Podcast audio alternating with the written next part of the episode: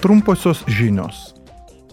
Prieš šiandien Kyjive vykstantį ES ir Ukrainos aukščiausiojo lygio susitikimą Europos parlamento nariai aptarė, kaip ES galėtų toliau remti Ukrainą kovojant su Rusijos invazija. Europos komisija ir tarybai pirmininkaujanti Švedija patikino, kad ES šalys ir ES institucijos visapusiškai remia Ukrainą. Plenarinėje diskusijoje su tarybai pirmininkaujančios Švedijos atstovais ir komisijos pirmininkė Europos parlamento nariai išdėstė savo nuomonę dėl to, kaip spręsti Europoje kylančias migracijos problemas.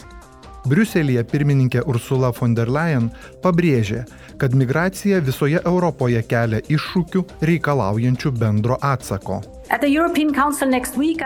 Per kitą savaitę vyksiantį Europos vadovų tarybos susitikimą valstybių ir vyriausybių vadovams pasiūlysiu du atskirus ir labai svarbius darbus - teisėkuros procesą ir antrą - operatyvinius veiksmus, kurių galime imtis jau dabar. Geriausia, ką galime padaryti, vykdydami teisėkuros darbus, tai toliau tobulinti naująjį migracijos ir prieglopščio paktą, o kalbant apie antrąjį darbą, nedelsiant veikti. Tarybai pirmininkaujančios Švedijos vardu šios šalies ES reikalų ministrė Jessica Rosval pažymėjo, kad kitos savaitės neįlinėme Europos vadovų tarybos susitikime sąjungos lyderiai nagrinės su migracija susijusias problemas.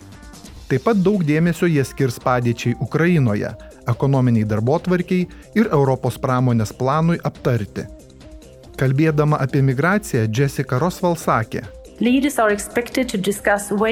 Tikimasi, kad vadovai aptars, kaip ES gali sustiprinti savo bendrus veiksmus, kaip antai sustiprinti sąjungos išorės sienų kontrolę, be kita ko valstybėms narėms remiant agentūrą Frontex ir naudojant informacinių technologijų priemonės.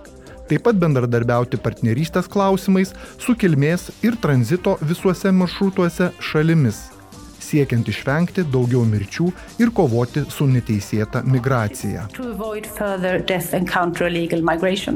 Per diskusiją Europos parlamento nariai išreiškė norą po ne vienerius metus tarp sąjungos narių vykstančių diskusijų sulaukti rezultatų migracijos ir prieglopščio politikos srityse.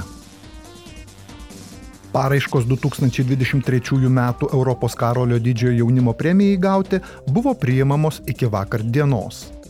Premija skiriama jaunimo vykdomiems projektams, kuriais remiama demokratija Europoje ir skatinamas bendradarbiavimas ir tarpusavio supratimas Europos bei tarptautiniu mastu.